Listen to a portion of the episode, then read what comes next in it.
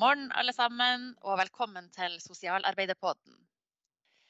FO driver jo og jobber stadig med hvordan vi skal klare å markedsføre flere vernepleiere i tjenester til utviklingshemmede. Det er en vernepleiermangel, og vi har lyst til å synliggjøre tjenester til utviklingshemmede som et sted der det er bra for vernepleiere å jobbe, og der det er viktig at vernepleiere jobber. Derfor har vi i dag fått besøk av en vernepleier fra Kristiansund kommune, som skal være med oss i denne episoden. Det er hun Anne-Berit Larsen Haugan. Og eh, velkommen til deg, Anne-Berit. Kan ikke du si litt eh, om din bakgrunn og hvorfor du ville bli vernepleier? Å, hei. Takk for at jeg fikk komme. Veldig hyggelig. uh, ja, bakgrunnen for at jeg ville bli vernepleier, ja. Da må jeg gå noen år tilbake i tid. Ah, da var jeg 18 år og gikk eh, hjelpepleien. Eh, så hadde jeg min første praksis da, i bohabilitering. Eh, 1999. Um, eh, det, var, ja, det syns jeg var så kjekt eh, at eh, da ble det plutselig ekstravakter og fast stilling etter hvert. Og det var et lite bofellesskap med få beboere med store bistandsbehov. Så det var sånn type ingen språk, egentlig. Så da bygger vi relasjoner med både kroppsspråk og visualisering. Sånn at uh, det var veldig krevende, men uh, på en veldig, ja, veldig, spennende måte å jobbe på. Så da forsto jeg jo, men jeg forsto etter hvert at, uh, at det var noen, her var det noen gode vernepleiere som hadde jobba målretta godt i forkant da, for, at få, for, at de skulle ha en så god livskvalitet som de hadde. Så her var det brukt eh, mye tid på god kartlegging på, for enkelte sine behov. Så, så det her syns jeg har vært veldig spennende, alltid vært veldig spennende. Da. Hvordan man kan eh, med faglig tilnærming da, kan få være med å skape så godt liv for noen andre. Da, avhengig av mm. funksjonsnivå.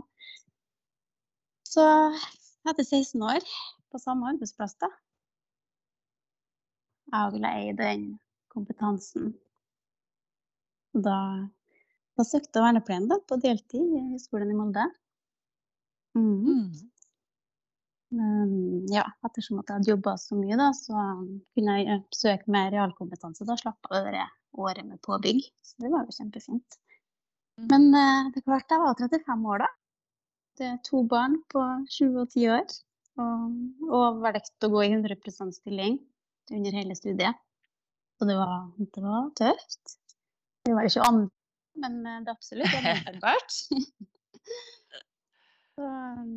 ja. Og det å få, se, å få satt praksis og teori i system, det var liksom åh, Nei, det var Det syns jeg var Det å få, å få en større faglig forståelse av det hele bildet, det var Ja, det var veldig fint. Det angrer jeg virkelig ikke på. Du er jo en veldig sånn typisk vernepleier også, for vi har jo sett det i en del av undersøkelsene våre at veldig mange vernepleiere de har en, en fagkompetanse eh, i bakgrunn som ja, fag, helsefagarbeider eller barne- og ungdomsarbeider. Så du er en veldig mm. klassisk vernepleier, vil jeg si, og tar utdanning når du har blitt litt mer voksen enn en 19, liksom. ja, absolutt. Men fordelen, var jo, fordelen er jo at han har har en del knagger å henge det på, da. Er det. Ja, og før var det jo sånn at man måtte ha praksis for å komme inn på vern. Det er det jo ikke mm. nå, men, mm. men, det er kanskje Men det er absolutt en fordel, ja. Mm. Ja, det tror jeg nok veldig mange, særlig av de som har hatt eh, praksis fra før, tenker da. Men det er jo en litt annen problemstilling enn, eh, enn vi skulle snakke om akkurat i dag. For det jeg også hadde lyst til å høre litt om, det er liksom hvor er det du jobber? Hvordan er fagmiljøet ditt? Mhm. Hvordan er det i, i Kristiansund? Mm. Åh, jeg jobber fortsatt i bohabilitering, da. Men nå jobber jeg i en uh, annen avdeling, da. En mye større avdeling. Der funksjonsnivået er litt, uh, litt annerledes. Nå er vi ja, som sagt en større avdeling. Da. Vi har gått fra to avdelinger til å blitt én avdeling. Har vi. Uh, vi er litt sånn i starten av organiseringa, egentlig. Vi er en god blanding av både assistenter, fagarbeidere og miljøterapeuter.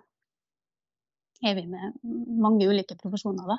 Sånn alt fra ja, helsefagarbeider, barne- og ungdomsarbeider, aktivitører, sykepleier. Så er vi bachelor i ernæring, psykologi, barnehagelærer, og så er vi jo fire vernepleiere. Gått Mm. fra to til, to til fire vernepleiere. Så det tenker jeg, det var jo en av de få fordelene da, med å bli, være så stor avdeling, at vi har fått samla mye bra kompetanse, Mm. tenker jeg. Så nei, vi er på god, god vei da, til å organisere oss ja, inn i, inn i soner, skal jeg si. Ja. Soner som består av faglig ansvarlig og primærkontakt og sekundærkontakter. Så alle er med i sone da, hver. Der vi har faste teammøter da, sammen i hver sone. Og så har vi òg faste miljøterapeutmøter. Da. Vi er, vi er faktisk ti miljøterapeuter i avdelinga. Så vi er et stort fagmiljø, egentlig. Det høres veldig flott ut. Veldig bra. Vi har stort, stort fokus på fag. Så det, ja, det er egentlig det jeg liker best med arbeidsplassen. Også. Vi har eh, veldig stort fokus på fag. Men er, hva er dine oppgaver da som vernepleier, og, og hva er ditt ansvar da? Åh, ja. Det, jeg har vel i hoved, hovedsak eh, så har vel det, har det faglige og medisinske ansvaret da, for eh, beboerne. Men klart det, det er jo to store ansvarsområder som rommer mye. Men eh, medisinansvaret, det er nå da av den medisinske oppfølginga, da, i samråd med, med lege. Og det kan jo være alt fra ja, eh, bestilling av medisin til dosering av medisin til ja, rett og slett eh, at det skal være trygg legemiddelhåndtering. Og eh, når det gjelder det faglige, da, så er vel et av ansvarene nå innebærer bl.a. oppfølging av tvang og makt, som er regulert i helse- og omsorgstjenesteloven. At man tilrettelegger for minst mulig tvang og makt, og at eh, man jobber miljøterapeutisk med å prøve andre løsninger da, før, eh, før man tenker på et eventuelt vedtak. Men det er klart at um, av og til så er et vedtak hensiktsmessig òg. Det kan jo kan faktisk være helsehjelp, så Men det er i hvert fall viktig da, hvis det, blir, hvis det er sånn at man skal opprette et vedtak, da, at det gjøres med grundige og faglige vurderinger. Og at det følges godt opp da, etisk, sånn etisk forsvarlig, tenker jeg. Og det er jo litt jobb rundt, rundt det. Eller også er det jo forhold til tjenestevedtak, at det hele tida skal være oppdatert. At det gjenspeiler bistandsbehov. Det er litt sånne ting. Ellers så er jeg jo en del med i sånn samarbeidsmøter med oppfølging i forhold til Vi samarbeider mye med habiliteringstjenesten, f.eks. Det er liksom når vi kjører oss litt, kjører oss litt fast. Så da har vi liksom behov for da har vi jo behov for litt mer kompetanse, da, som kan, kan se utfordringer med et annet perspektiv. Mm. Så er det sånn, som sagt, lege, da, sykehus og tannlege og Nav og kanskje skoletjeneste. Og, så det er mye samarbeidsmøter. Er det. Mm. Bra. Høres jo Ja. veldig variert ut en, en dag hos deg. Ja, det, det er mye administrativt innimellom. Og så er det det aller kjekkeste er jo selvfølgelig å få være i miljøet og få være sammen med, sammen med beboerne. Det å få være med å gjøre forskjellen sjøl. Jobbe, jobbe med faget, jobbe miljøterapeutisk og målretta og ja. For, ja. Hovedmålet er at de skal kunne ta egne valg og beslutninger i hverdagen. Og ikke minst eierskap i eget liv. Så ja. Nei, veldig givende arbeidsdag. Virkelig. Det høres veldig si, veldig ja, variert ut, og som om eh, dere har en god liksom, gjeng, et godt, eh, godt miljø på arbeidsplassen. Men det er jo sikkert noen ting som også kan være litt krevende i å jobbe i, sånn, i, i, kommunen eller i tjenester til utviklingshemmede òg. Er det noen ting du liksom kjenner på som er ekstra krevende i jobben? Ja, jeg tenker ofte på at jeg skulle hatt, hatt flere timer i arbeidsdagen. Men, men, det handler vel om at vi skulle hatt enda mer ressurser. Ikke at man hadde enda mer tid til hver enkelt. Men når man jobber med mennesker, da, så tror jeg at man alltid vil føle seg litt utilstrekkelig, egentlig. Så um, det er vel litt sånn det er på de fleste plassene, tror jeg. Men ellers også, så Nei, så syns jeg det er bårekjekt. så bra. Ja, fordi at uh, du trekker frem noen ting, og det er jo veldig gjenkjennbart. Det sier jo også mm. medlemmene våre, ikke sant. Og, mm. og, det er jo også noen innspill som vi i FO gir uh, veldig, veldig ofte. Det her hvordan er liksom ressurstilgangen for tjenester. Hvordan er det mulig å gjøre en god nok jobb? Og da er jo det basert på innspill fra, fra dere som er medlemmer, og, og fra vår mm. kjennskap til det. Men allikevel så jobber du i tjenester til utviklingshemmede. Hvorfor det? Hva er det som gjør at du allikevel trives der? Åh, nei, det Jeg tror det er de daglige utfordringene, egentlig. Det er jo nå er jo vi som sagt en veldig stor avdeling, da, så jeg er jo, jeg er jo sammen med veldig mange i løpet av en dag. Så, men det å omstille meg og tilnærme på dem ja, på ulike måter. For alle er jo så forskjellige. Sånn at, og det å ha ulike ja, de har ulike behov og ulike utfordringer alle sammen. Så det å ta på seg en ny hatt da, for hvert besøk jeg er på, på måte, det syns jeg er så spennende og så givende. Så det lærer jeg kjempemye av. Så, så, jeg går jo ut og inn i ulike roller gjennom hele arbeidsdagen, egentlig. Mm. En, ja. Sånn at eh, ja, spennet er veldig stort. Det er jo det at vi har veldig stort fokus på fag. Og det kan vi jo òg ha når vi er så stort uh, tverrfaglig miljø, da. Mm. mm. Veldig kjekt. det er godt å høre.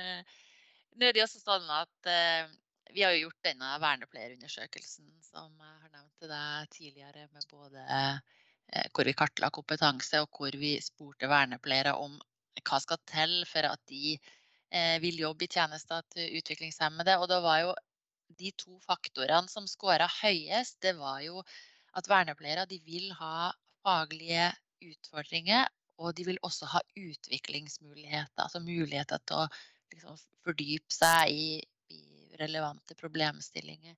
Hvordan, eh, hvordan, hvordan er det hos deg på din arbeidsplass? Mm, han møter stadig på nye utfordringer, da. Får, da har man jo anledning til å fordype seg hvis man er åpen for det. Men uh, ja, jeg, som sagt altså, utvikler jeg meg mye å jobbe i det tverrfaglige miljøet som jeg, som jeg er i. Da. Både innad i personalgruppa og ja, for å være, jeg er jo med på ulike samarbeidsmøter med både interne og eksterne. Sånn at eh, ja, jeg syns jeg får faglig påfyll eh, hele tida, egentlig. Mm. Ja. Mm. Ellers har vi jo mulighet til å ta en del sånn elektroniske kurs som ligger inn på sånn innimellom. Ja, for det er jo ikke alltid at faglig utvikling betyr eh, videreutdanning. For mange er det det. Det at man kan ta liksom eh, formell eh, kompetanse og utvikling. Men det handler jo også om at man har dette fagmiljøet. ikke sant? Noen å snakke med, noen å diskutere eh, ja, faglige utfordringer med, diskutere egen praksis med, og vurdering av eh, tiltak, f.eks. Sånn at det høres det jo også ut som dere har på din arbeidsplass. Du sier dere har et fagmiljø, dere har mulighet til kontakt med habiliteringstjenesten og, og andre relevante. Så det er jo i hvert fall gjenkjennbart fra den eh, undersøkelsen som eh, vi gjorde i FO. Mm. Mm. Ja, absolutt. Nei, så vi, eh, som jeg sa, et av målene våre det var jo at vi ønska å, å hjelpe si, arbeidsgivere til å, å bli i stand til å ja, si, eh, få på plass de faktorene som er viktige for vernepleiere for at de skal søke tjenester til utviklingshemmede. Så vi har jo vært innom en del av de faktorene eh, med deg nå. Men eh, hvis, du, eh, hvis, du, skulle ha snakka med noen som vurderte om de skulle jobbe i tjenester til utviklingshemmede, altså en vernepleier som du tenker har aldri jobba der. Skal jeg gjøre det, eller skal jeg ikke? Hva vil du, hva vil du si til den vernepleieren? Ja, vet du, jeg har vært innom mange ulike praksisplasser, både som hjelpepleier og vernepleier. Det, det er flere plasser som jeg godt kunne tenkt meg å jobbe som jeg kommer til å trives veldig godt. Men så er det noe med at det her vi virkelig får utnytta profesjonen vår, tenker jeg da. At vi må ikke glemme profesjonens opprinnelse. Historisk sett så var jo vernepleierutdanninga designet på bakgrunn av at uh, det var mangel på en egen profesjon rundt mennesker med utviklingshemming.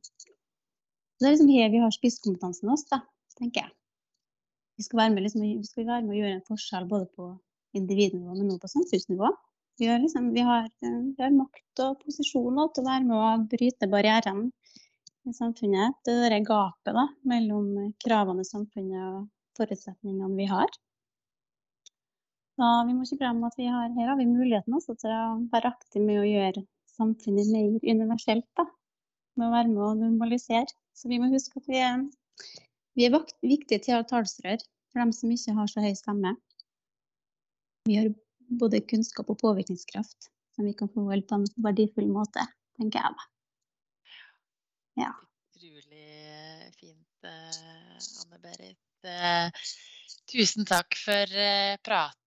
Og jeg vet at du skal på seinvakt i dag, så jeg ønsker deg ei riktig Takk for det. Takk for at jeg fikk være med i podkasten deres. Det var veldig fint. Og dere har nå hørt på Sosialarbeiderpodden til FO, der jeg har snakka med ho, Anne Berit, som er vernepleier i Kristiansund kommune i tjenester til utviklingshemmede. Da vil jeg bare oppfordre dere alle sammen om å dele episoder fra Sosialarbeiderpodden med så mange som mulig. Be dem om å følge og abonnere. Og så høres vi igjen. Ha det bra.